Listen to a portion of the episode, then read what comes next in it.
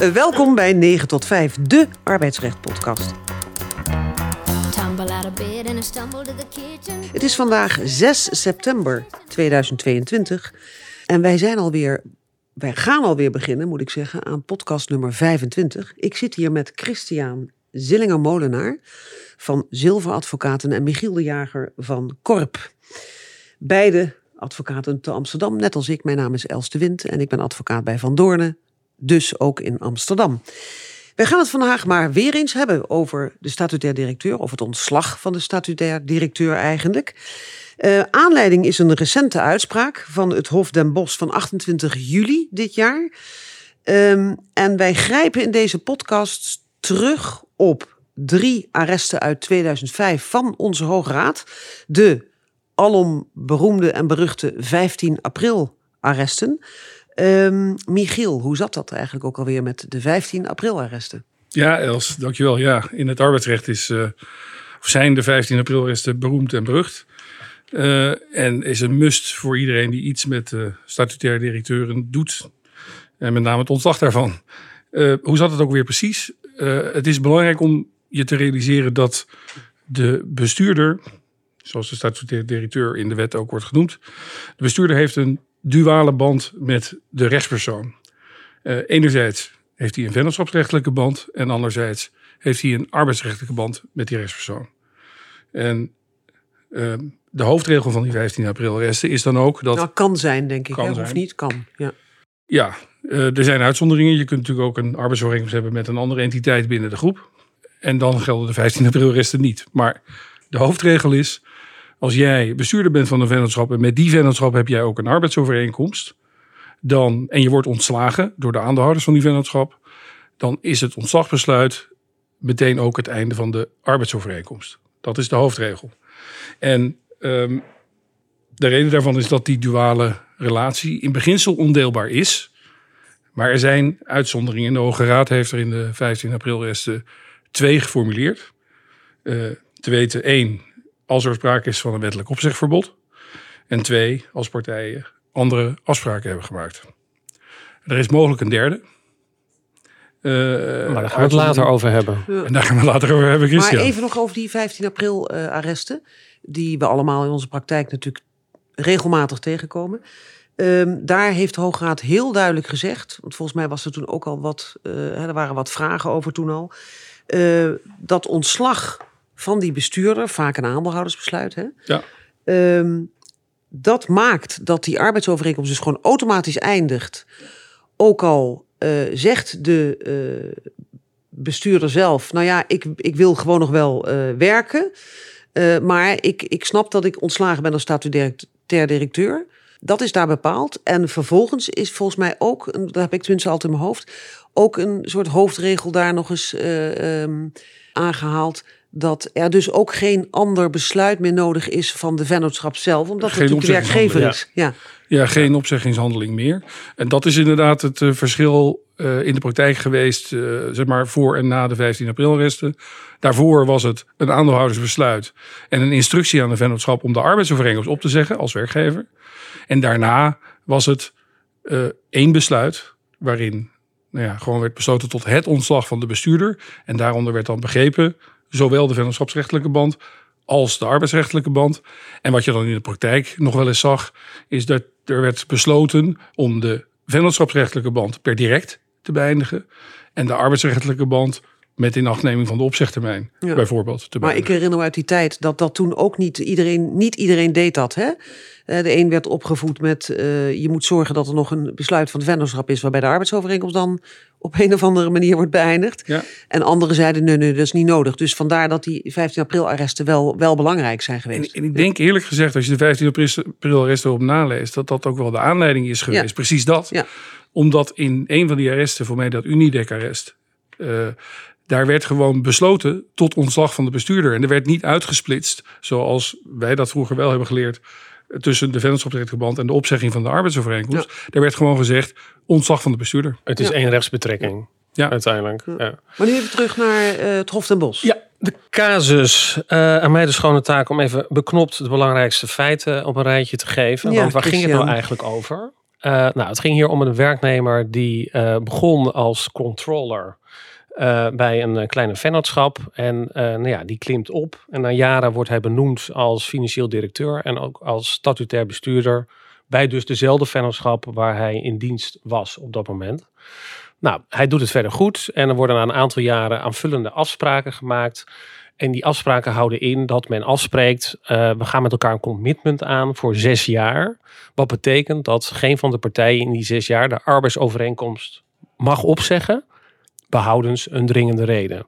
De bedoeling is ook, en er wordt ook schriftelijk vastgelegd, dat hij dan wel aanblijft als uh, financieel directeur. En hij, krijgt ook allemaal uh, toeters en bellen hè, als compensatie als hij het goed doet. Nou, wat gebeurt een aantal jaar later? Het bedrijf groeit enorm en er komen allemaal vennootschappen bij. En nou, je voelt hem al aan. Op hoog niveau, de board besluit, ja, die functie van financieel directeur, ja, die wordt zwaarder. Dat willen we op top holding niveau hebben. En uh, werknemer, daar ben jij niet de aangewezen persoon voor. Wordt hem ook medegedeeld. Ja, die werknemer die is not amused. Die zegt, nou, ik heb mijn werk altijd goed gedaan. overigens wordt hem ook de functie van controller aangeboden en zou hij aan de nieuwe financieel directeur moeten rapporteren. Nou ja, dat, hij ziet dat uiteraard als een demotie. Zegt ja, ga ik niet mee akkoord. Maar hoe, hoe even voor, voor mij een vraag, hoe verhield zich die baan die hij aangeboden kreeg tot de baan die hij had voordat hij statutair bestuurder werd? Die controller bedoel je? Ja. die was wel op hoger niveau. Hè? Want die zou die dan op holding niveau. Het bedrijf was ook enorm gegroeid. Dus het, dus was, het was niet dezelfde functie. En ze hadden gezegd, jij houdt ook dezelfde arbeidsvoorwaarden. Die je nu hebt als financieel directeur. En hij was ooit als assistent controller aangekomen. Ja, en, ja. ja. Nou, en wat gebeurt er? Uh, hij zegt, nou, ik, ik uh, ga hier niet mee akkoord. Vervolgens uh, komt er een aandeelhoudersbesluit. Hij wordt ontslagen als bestuurder, tevens als financieel directeur. Tegelijkertijd, bij de mededeling van het ontslagbesluit aan deze werknemer, uh, wordt er gezegd: ja, maar wij willen de arbeidsrelatie niet met jou beëindigen. Gelet op de afspraken die we drie jaar geleden uh, hebben gemaakt. En dus nog drie jaar willen voortzetten in ieder geval. Maar je, krijgt de functie van controller uh, aangeboden. de werknemer vervolgens die legt dan zijn taken gelijk neer. En ehm, nou ja, heeft een advocaat ook ingeschakeld. En die zegt met beroep op 15 april arresten. Niks ervan. Uh, met het ontslagbesluit is ook mijn arbeidsovereenkomst opgezegd. En we hadden afgesproken dat we nog in ieder geval drie jaar met elkaar door zouden gaan. Dus mogen we even afrekenen. En ik wil een billijke vergoeding. En alles wat daar nog uh, omheen hangt aan bonussen en transitievergoeding kwam je uit op 1 miljoen euro. Nog even, Christian, in die afspraken die hier gemaakt waren voor die zes jaar daar was door partijen niet gespecificeerd wat niet opzeggen zou betekenen. Nee. Dus er stond alleen maar in: we gaan een commitment met elkaar aan. Uh, we gaan voor zes jaar met elkaar door. Maar het was wel een arbeidsovereenkomst voor onbepaalde tijd overigens. Alleen ze spraken af dat ze gedurende een periode van zes jaar niet zouden opzeggen. En dat hij dus die functie van financieel directeur zou vervullen. Ja, ja. En nou goed, hij, hij, en bij de rechtbank, ja, die gaat, die gaat uh, mee in het verhaal van de werknemer. En die uh, uiteindelijk krijgt hij een billijke vergoeding van uh, 4 ton. Als onderdeel van de miljoen die hij gevorderd heeft. En um, nou, de werkgever die, die, die zegt, ja, ik ben het er niet mee eens. Want ja, we hebben gewoon die afspraken gemaakt. Die arbeidsovereenkomst is niet geëindigd geweest. En als die al geëindigd is geweest, ja, dan hadden we in ieder geval een redelijke ontslaggrond en kom je aan die billijke vergoeding niet toe.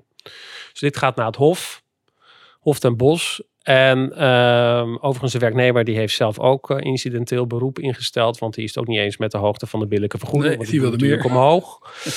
En aan de Hof, uh, de Bos is gewoon de taak om dan dus hier een oordeel over te vellen. Van hoe zit het nou met die 15 april arresten? Hè, zijn die nou van toepassing? En met name, is er nou sprake van een van die uitzonderingsgevallen die we zojuist uh, bespraken? Ja, dus, dus opzegverbod of andere afspraken. Ja. Precies. Ja, waarbij het opzegverbod vaak ziekte is. Hè? Maar daar komen we straks misschien nog wel even over te mhm. spreken. Ja. Ja, nou ja, daar kunnen we het nu ook wel meteen even over hebben. In de 15 april resten is gezegd een wettelijk opzegverbod. Dus dan kun je je afvragen of de afspraak, de contractuele afspraak om gedurende zes jaar niet op te zeggen, of dat dan een opzegverbod is in de zin van de 15 april resten. Ik denk het niet persoonlijk.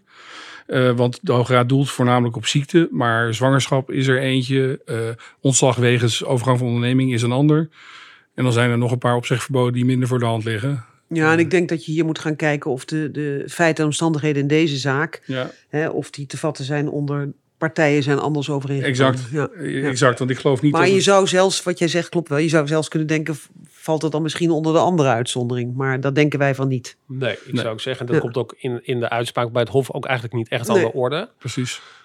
Ehm, maar natuurlijk wel, hè, wat jij zegt, Els, de andersluidende afspraken. En toen ik ehm, de uitspraak voor het eerst las, dacht ik, nou ja, klip en klaar. Er zijn andere afspraken gemaakt drie jaar geleden. Dus dit betekent niet het einde van de arbeidsovereenkomst. En als je dan wat verder doorleest, hè, want het Hof zegt hier uiteindelijk, hè, eh, die gaat dus bekrachtigt eh, de uitspraak van eh, de rechtbank.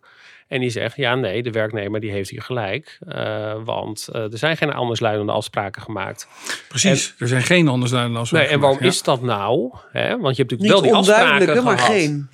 Nee, eh, precies. Ja, Nee, maar ja, de- maar die afspraken die waren natuurlijk, die kun je eigenlijk niet loszien van het feit dat die werknemer was benoemd als financieel directeur. Precies. En uiteindelijk heeft de werkgever er besloten op het moment dat zij natuurlijk dat besluit namen dat hij wordt ontslagen als eh, financieel directeur en als bestuurder, wisten ze dat hij die functie van controller niet wilde verrichten. En Ja. ook niet dat hij eh, überhaupt het uh, Dus er was prijsgeven geen van zijn functie accepteerde. Er Dus was- geen overeenstemming. Precies. En dat, dat was bij mij de vraag toen ik het las.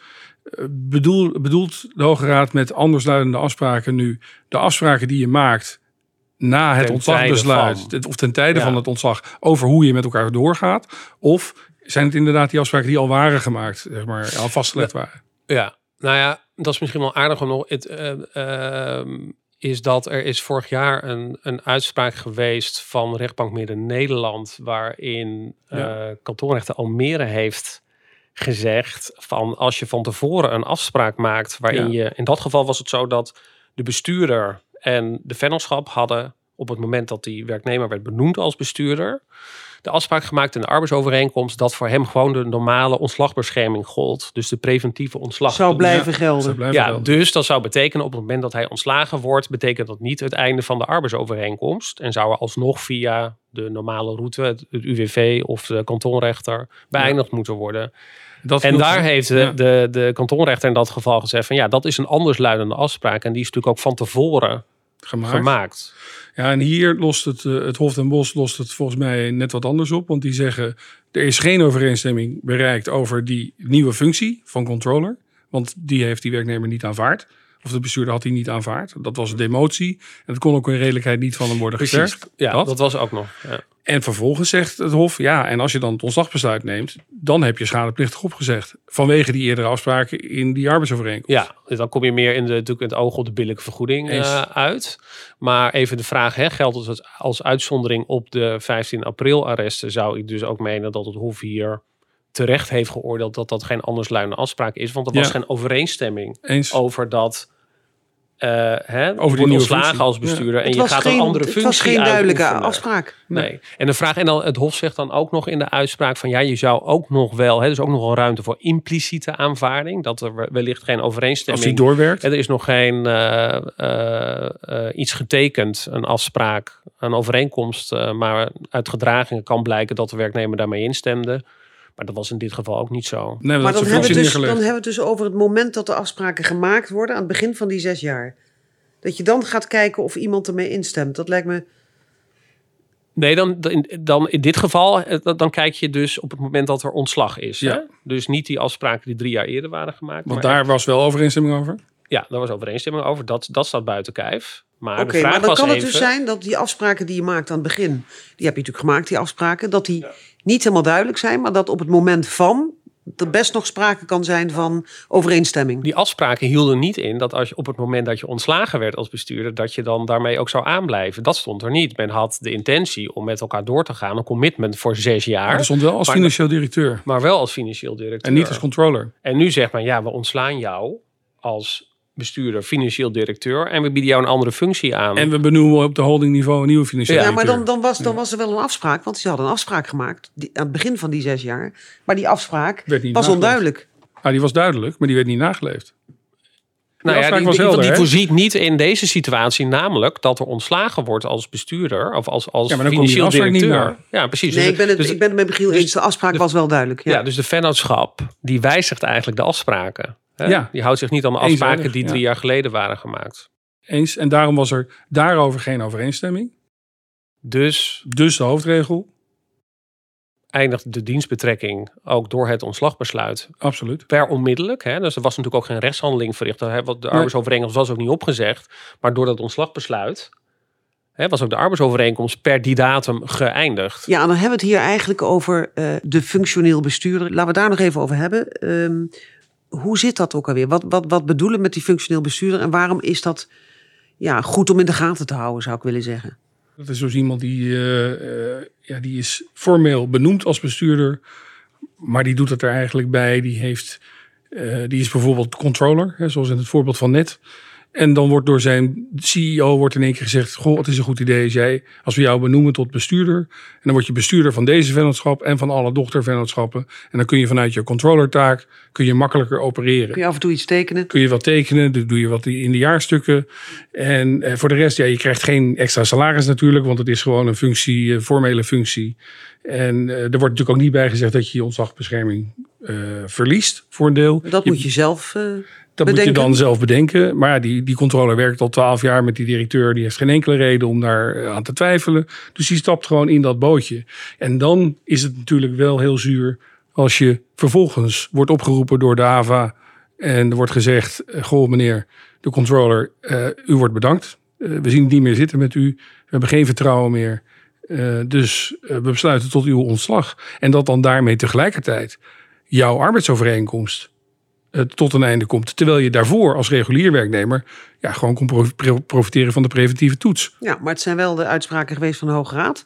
Zeker. Die toch ook, hè, die toch ook wel worden aangehangen en, en, en eh, steeds weer opnieuw worden, wordt bevestigd eigenlijk in lagere rechtspraak. Maar je hebt voorstanders en tegenstanders van het, eh, ja, zeg even het splitsen van die taak van die bestuurder. Hè, de, nou, noem het even de, de bestuurderstaken en arbeidsrechtelijke taken.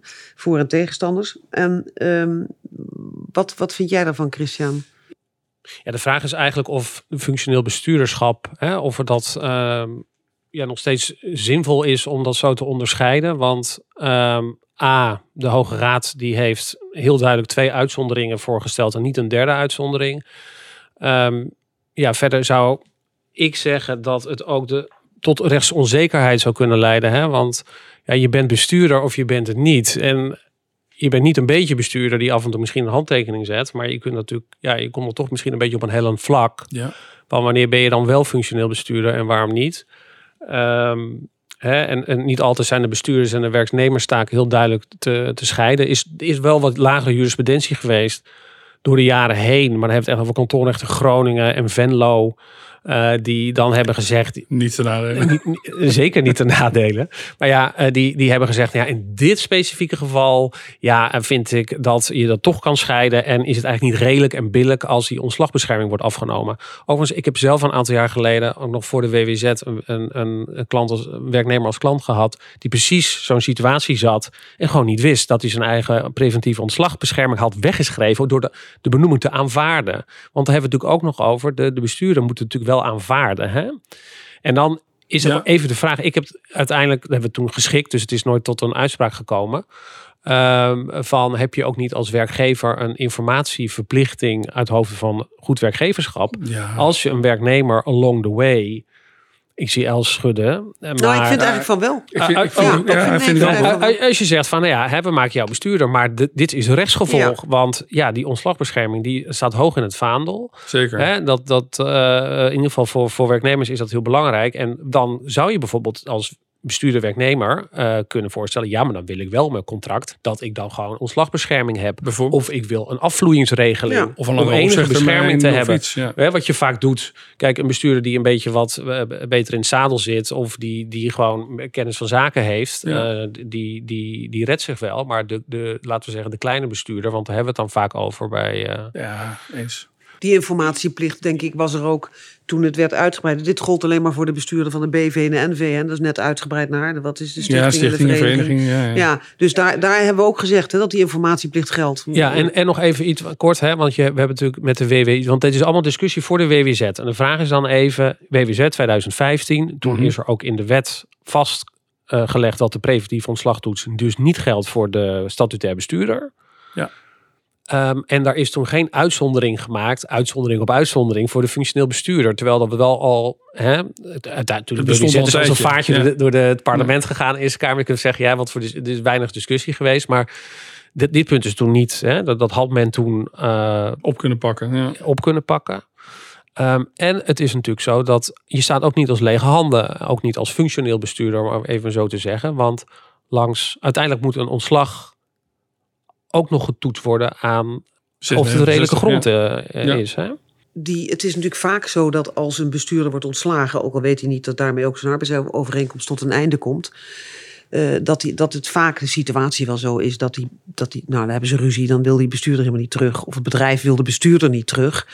En dan is het toch weer dat het eh, de situatie daar dat het om het geld gaat. Ja, de bestuurder kan natuurlijk ook geen herstel van de dienstbetrekking Nee. vorderen. Dus het gaat bijna altijd om het geld. Dus Ja. Christian, dat, hè, dan komen we bij jouw punt dat je dan naar de rechter kan en het langs de arbeidsrechtelijke weg kan aanvliegen.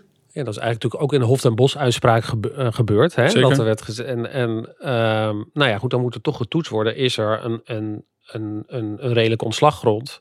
In het, gev- het geval van eh Hof en Bos Was hij er niet. was hij er niet. Eh, hè, nou, het was de aangrond aangevoerd, bedrijfseconomische reden, verschil van Haaggrond inzicht, de aangevoerd. haaggrond. Maar is allemaal heel sumier aangeleverd. En het laat dus, dus wel zien dat je toch wel een dossier moet hebben als werkgever om ook een bestuurder te kunnen ontslaan. Althans om te voorkomen dat je zometeen ontzettend veel geld moet gaan betalen. Nee, kijk, en het verschil tussen dus de preventieve toets of niet, is eigenlijk het initiatief. Wie neemt het initiatief om te gaan procederen? Heb je geen preventieve toets, eh, dan moet die bestuurder zelf aan de bak. Ja. En dat heeft die bestuurder in Hof den Bosch ook gedaan. En met succes uiteindelijk. Hè? Dus Maar er is een groot verschil, vind ik, in de praktijk in, eh, wat de rechtspositie betreft. ja, Het is fijner als je eh, niet zelf, hè, als Ja, je kunt bestuurder niet zelf achter als je je geld aan moet. ontslagbescherming hebt. Ik wacht het wel af. Ja. En Ja. al die tijd krijg ik mijn loon doorbetaald. Kan ook geweigerd worden. De Althans, ontbinding, moet, de eh, beëindiging. je moet binnen twee maanden tegen die, eh, tegen die opzegging ageren. Dus je moet wel aan de bak. Ja. Maar we zien ook, als jij als bestuurder denkt een positie te hebben, zeg maar wat betreft de 15 april arresten, dan ga jij ook in de onderhandelingen natuurlijk op je arbeidsrechtelijke positie zitten. En dan vaak schik je dan toch uiteindelijk ook wel.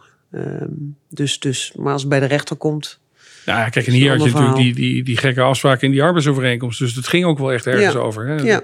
Het ging over drie En wij jaar zijn er blij mee toch, dat we de uitspraak hebben. Ja, Maar nu even terug, want zouden we nu veilig kunnen stellen dat 15 april arresten staan nog gewoon? Je hebt twee uitzonderingen. Ja.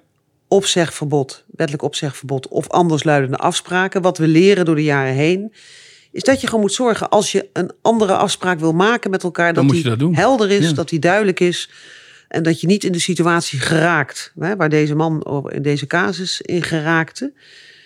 Maar misschien Eh, voor de functioneel bestuurder wel. Maak dan de afspraak dat voor jou gewoon Ja. de normale ontslagbescherming geldt als reguliere werknemer. Ja, dat zei je even geloof ik of net al. ja. afvloeingsregeling afspreken Of in de arbeidsovereenkomst. Ja. Dat je toch een soort vang, hè, golden parachute, zoals dat, Dat eh, zien we zo of, ook of, of een langere opzegtermijn, want dan heb je ook alle benefits. Dus je auto en je, je Ja. andere arbeidsvoorwaarden die doorlopen. Nou, ik denk dat we dan de uitspraak wel hebben besproken. Of zijn we nog iets vergeten? Els, ik zat gisteren nog te denken, ehm, toen ik de uitspraak aan het eh, voorbereiden was. Ik las namelijk dat ehm, de werkgever, nadat het ontslagbesluit was genomen, heeft daarna ook nog een keer opgezegd. Ja. Hè? En de vraag is nu even van, stel nu dat deze werknemer ziek was geweest. Hè, dan geldt het opzegverbod bij ziekte. Dus er was een, beslu- een, een ontslag, Ontslagbesluit, ontslag hè, dus hij is geen bestuurder ja. meer, maar hij is ziek. En hoe ga je dan daar vervolgens mee om? Want hij is gewezen bestuurder. Op een gegeven moment wordt hij weer beter, is hersteld. Heeft hij dan automatisch de ontslagbescherming teruggekregen, want hij is geen bestuurder meer? Of zeg je nee, eh, dat hangt nog steeds samen met dat eerder genomen ontslagbesluit. Hè? Dat, dat is een ondeelbaar, onsplitsbaar geheel. Dus op het moment dat hij weer beter is, het opzegverbod geldt niet meer. Kan ik nog gewoon opzeggen zonder preventieve toets? Ja, Daar liep is, ik even. Nee, dat, vast. Ik, ik snap dat je Van- daar vastloopt. eh, want Volgens mij zijn de meningen verdeeld. Hè? Ja, die meningen die zijn verdeeld. Want als je nu naar de wettekst en zeker naar de WWZ kijkt, als je gewoon in de tekst van de wet kijkt, is de uitzondering op de preventieve toets alleen gegeven aan de bestuurder. En er staat niet de gewezen bestuurder. Dus eigenlijk onder WWZ-regels zou je moeten eh, concluderen dat op het moment dat die bestuurder geen bestuurder meer is, een gewezen bestuurder dus, dan geldt automatisch de preventieve toets weer. Nou, en er, zijn, uh, er is een, een, uitspraak van de rechtbank Rotterdam uit 2019. En die rechter zegt wat anders. Die zegt als het ontslag als werknemer verband houdt met het ontslag dat je als bestuurder hebt gekregen, dus op dezelfde feiten, en er is in de tussentijd niks gebeurd, je hebt ook niet doorgewerkt of er is, er is niks veranderd, dan kan je gewoon opzeggen zonder preventieve toets, zonder nieuw besluit, dus op basis van het eerdere ontslagbesluit als, als bestuurder. En dan is Hanneke Benhaars, die is daar volgens mij, die, heeft ook, die, die is ook die mening toegedaan, dacht ik. Maar dan is het zo, die, die bestuurder, er komt een ontslagbesluit. Die bestuurder is ziek, maar ze nemen het, hè, want dat is de praktijk het geval. Die komt niet naar de algemene nee, vergadering. Dus die arbeidsvereniging loopt door. Die loopt door. Die, die bestuurder is vier maanden ziek. Ja. En die wordt weer beter. En dan boem. En dan krijgt dat ontslagbesluit effect. Nou, dan wordt er opgezegd door de werkgever. Ja, ja oh, zonder, ja, ja, ja, zonder, en, ja, ja. En dan moet er nog wel zonder, opgezegd worden. Nou, dan moet er dus nog een handeling van de werkgever. Ja, in, een, in een casus die ik zelf aan de hand heb gehad, die uiteindelijk ook niet, niet voor de rechter is gekomen, uiteindelijk ook geschikt. Maar daar speelde dit. En daar speelde, wat daar gebeurde, is dat er na vier maanden een nieuwe AVA werd uitgeroepen. Wat gek was, want die meneer was geen statutair bestuurder meer. Maar er werd wel een nieuwe AVA uitgeroepen. En daar werd het besluit van vier maanden daarvoor bekrachtigd. En werd de opdracht gegeven door de aandeelhouders aan de vennootschap. Het nieuwe bestuur van de vennootschap. Om de arbeidsovereenkomst met die zieke bestuurder op te zeggen. Of als de herstelde bestuurder op te zeggen. Maar gewezen de werkgever had zou in principe ook uh, ontbinding kunnen vragen. Zeker. bijvoorbeeld op, op, een, op een haaggrond of, of ja, dat was denk ik de betere manier geweest. Dus dan had je het ontslagbesluit genomen en vervolgens een ontbindingsverzoek. Ja, als geen verband houdt met de ziekte, dan kun je dat alsnog als route kiezen om uiteindelijk nog de arbeidsovereenkomst te kunnen beëindigen. Er zijn er wel, wel rechters die daar. Uh, die daarin die meegaan. zaak gewoon in behandeling nemen. Nee, precies. Maar, maar, maar, dus maar die zaak van Rotterdam op wat jij zei net. Dan in jouw geval hè, dat je schetste. Dan uh, is het dus zo dat dat eerder genomen ontslagbesluit Daarvan zegt de aandeelhouder, we bekrachtigen dat. Maar vervolgens in, in, zeg maar in de tweede poging wordt er aan, tegen de vennootschap gezegd, omdat hij dan natuurlijk zijn... Nou, hij wordt in, in die tweede vergadering, zeg maar die vergadering vier maanden later... Die moeten hem opzeggen, die moet die man nog opzeggen. kijk, die aandeelhouder kan wel besluiten tot ontslag, maar die aandeelhouder is niet de werkgever. Dus als er dan een bekrachtiging komt van een eerder ontslagbesluit, dat heeft nog geen effect, dan moet er iets gebeuren. En dat, in, in dat geval hebben ze ervoor gekozen. Eh, of het houdt, weet ik niet, want wij hadden natuurlijk allerlei gedachten over. Maar uh, zij hebben er toen voor gekozen om uh, de instructie, de aandeelhouder de instructie te laten geven aan het nieuwe bestuur van de vennootschap. om de arbeidsovereenkomst met de gewezen bestuurder op te zeggen. En omdat ze zeiden van ja, dit ontslag houdt verband met jouw ontslag als statutair bestuurder. In de tussentijd heb jij niet gewerkt. Is er ook niets veranderd. Aan de feiten is niks veranderd. Aan de gronden is niks veranderd. Dus wij mogen nu ook gewoon opzeggen. Ja, ik, ik nou, denk dan dat is de basis is het eerdere ontslagbesluit. Ja. ja. Nou, en, er zitten natuurlijk wel risico's aan. Hè? Want ja. op het moment dat een rechter daar aan meegaat, dan heb je natuurlijk schade. En dan heb je zonder... Jouw route is veel beter. Je kunt veel beter de rechter ja, vragen. dan heb je een billijke vergoeding aan je fiets hangen. Eens. Maar goed, die heb je misschien ook wel als je ontbinding uh, vraagt. Nou, dan zijn we aan het einde gekomen van deze podcast nummer 25. Uh, dank jullie wel, Christian Zillingemolenaar en Michiel de Jager. En natuurlijk de luisteraars. Uh, ik wijs je nogmaals op 9 tot 5 podcast.nl voor bronnen van deze podcast. Die zullen we, die zullen we erop zetten. En uh, eventueel de volgende podcasts.